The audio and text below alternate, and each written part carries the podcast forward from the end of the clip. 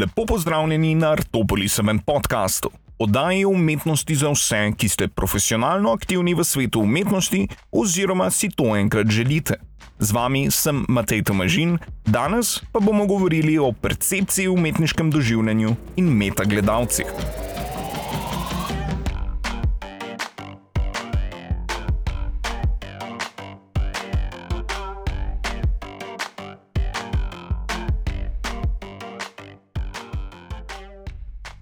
V prejšnjem delu smo razčlenili osnovne pojme, s katerimi bomo danes nadaljevali našo raziskavo subjekta v umetnosti in si bolj podrobno ogledali razlike med metagledalci preko koncepta pripomočka in ovire. Ideja, da svet razumemo kot skupek pomožnih in ovirajočih orodij, v sebi namreč nosi tudi globje razumevanje, da ne obstaja razlikovanje med orodjem in orodjarjem, oziroma uporabnikom oziroma uporabnico orodja. Narava za srednjeveškega človeka namreč ni bila mrtva gmota pojavov, temveč živo bitje, česar sestavni deli, kot so podnebje, fauna in flora in tako dalje, so bili prav tako živi. O tem govori obstoj arhetipov velikega očeta in matere, kjer so vsi pojavi že od prvih ohranjenih zgodb nastanka sveta iz Mezopotamije, narave posodobljeni v ideji kaotične in ljubeče matere. S tem pa želimo predstaviti pomembno idejo: neobstoj orodja brez njegovega lastnika. Kot smo že v prejšnjem delu ugotovili, so vse, kar poznamo, orodja, ki so nam dosegljiva in jih uporabljamo. Vse, česar ne poznamo, pa so orodja v rokah nekoga drugega. Skratka, nič ni zares mrtvo v pogledu subjekta. Vreme bo do točke, dokler ga ne bomo popolnoma kontrolirali, v rokah narave. Enako kot je včasih bil ogenj, ki smo ga sedaj skozi naš razvoj uspeli, no, vsaj do dobra ukrotiti. Seveda so izjeme, kot je pojav gozdnega požara, prav te pa se pripisuje delovanju višje sile. Tu pa smo lahko pozorni, da je zgolj še korak do ideje Boga, ki ni nič drugega kot uporabnik vsega, česar sami še ne znamo uporabljati, vključeno z vprašanji morale, prava in drugih mentalnih urodij, saj vse to ni vezano zgolj na fizične pojave. V primeru ateističnega pogleda pa lahko govorimo o subjektu sreče oziroma nesreče ali subjektu usode kot nekakšno mešanico obeh pogledov. Da pa se vrnemo na zaključek misli in povezavo s pojmom umetnosti, lahko povežemo sedaj vse tri na začetku prejšnjega poglavja omenjene gledalce v enotno razlago in jo kontekstualiziramo v področje umetnosti.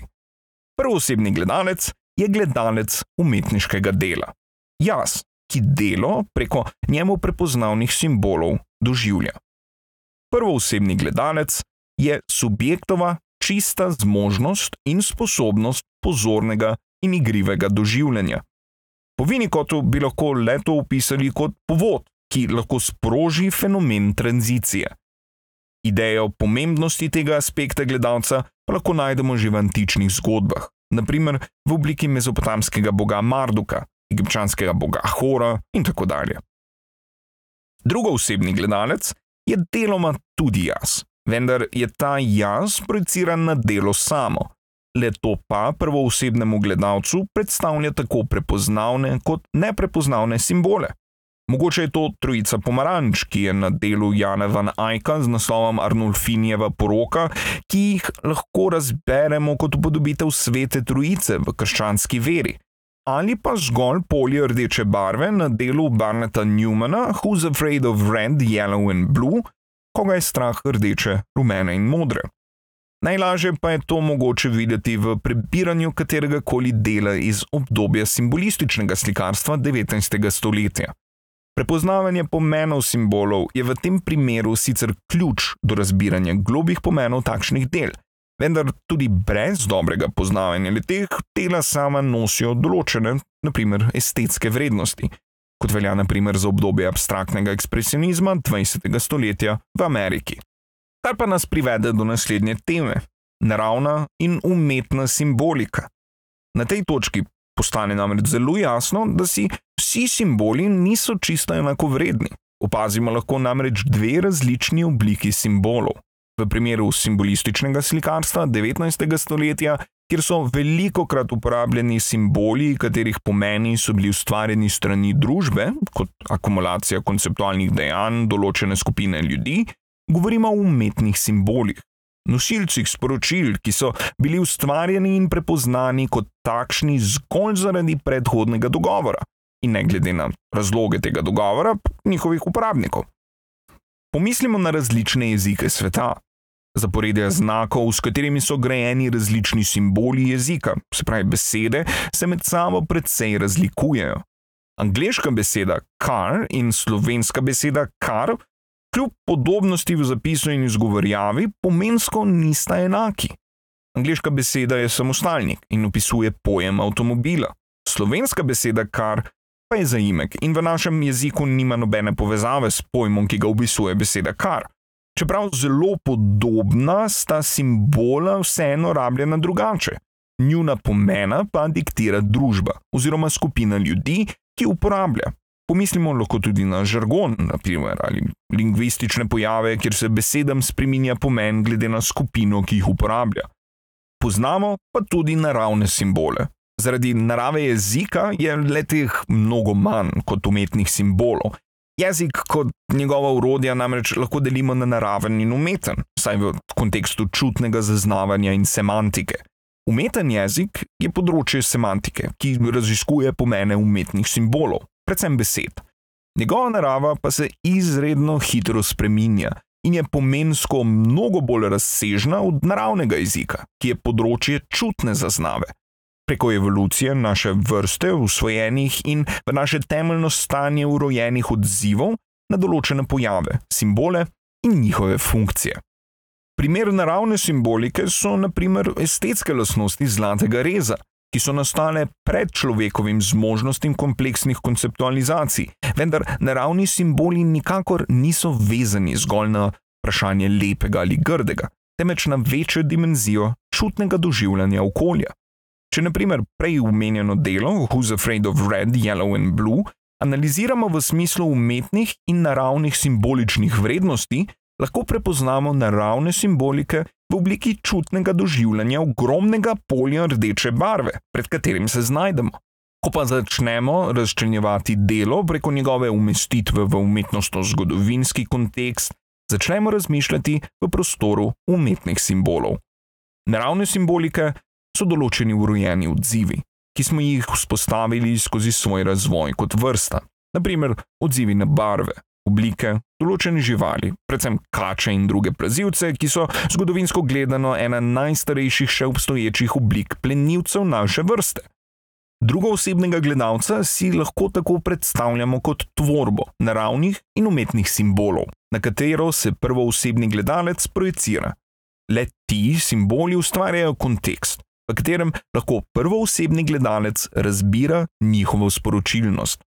Tako projiciran jaz nikoli ni popolnoma del subjektovega jaza, ki predstavlja red, lahko bi rekli iluzijo popolnega razumevanja sveta, temveč je tudi del kaosa oziroma popolnega nerazumevanja sveta in s tem potencialno tuj, celo nevaren. Pomislimo na vsako dejanje cenzure skozi zgodovino umetnosti in seveda komunikacije same. Subjekt, čigar drugoosebni gledalec je zaslepljen ali mu je zmožnost svobodnega doživljanja odzeta, ne more spremeniti svojega stališča in je nezmožen dojeti napake v svojih ustaljenih pogledih na svet. S tem je ujet v konstantni iluziji pomirjenosti. Za njega ali za njo vse, kar obstaja, je tudi vse, kar lahko obstaja. Takšno stanje bi lahko opisali kot popolnoma ideološko, naprimer v političnem kontekstu. Šele, ko je subjektu dovoljeno oziroma omogočeno gledati s funkcijo prvoosebnega gledalca, se pravi pozorno in pristno doživljanje, lahko uvidi napake, razpoke v svojem pogledu na svet in na simbole, ki ga obdajajo. Zgolj preko njih pa je sposoben zagledati kaos, ki nan ali na njo preži. Poglejmo na primer škandal političnega plakata umetniške skupine Novi kolektivizem iz leta 1987. Nedolžen plakat, ki prikazuje moškega zastavo in baklo v rokah, ki naj bi propagiral idejo dneva mladosti v Jugoslaviji, ker je zmagal na natečaju, se je izkazal za zgolj rahlo spremenjen nacistični plakat. Glede na to, da ni takrat dolgo minilo od časa, ko je bila Slovenija okupirana strani nacistov in bila izpostavljena grozovitostim, ki jih je vojna povzročila, je mogoče razumeti, čemu govorimo o škandalu. Vendar glavno je prav sporočilo tega plakata. Umetniško delo, ki ga gledalec doživlja, je urodje. Z eno roko ga drži subjekt, ki stoji v redu popolnega razumevanja in funkcionalnih klasifikacij sebe in življenja samega, z drugo roko pa ga drži gledalčeva projekcija v obliki drugosebnega gledalca, ki preko dajanja projekcije na simbole umetniškega dela v obliki razbiranja pomenov in simbolov in primerjave ugotovitev z vlastnimi prepričanji, kvalitativno raziskuje resničnost subjektovega razumevanja sveta. Ponovno se vrnemo na vprašanje kaosa in reda, opisano izmenjavo informacij med prvoosebnim in drugoosebnim gledalcem, pa lahko pišemo kot tranzicijski fenomen, ki ga opisuje Winnicott. Doživljanje umetniškega objekta, kot seveda katerega koli simbola, je namreč konstanten boj med subjektom in umetniškim delom. Konstantno podiranje statusa quo, kjer med sabo trkata kaos in red. To je sicer tudi ena izmed najpogostejših funkcij umetniškega dela. Pa nadaljujmo na tretjo osebnega gledalca.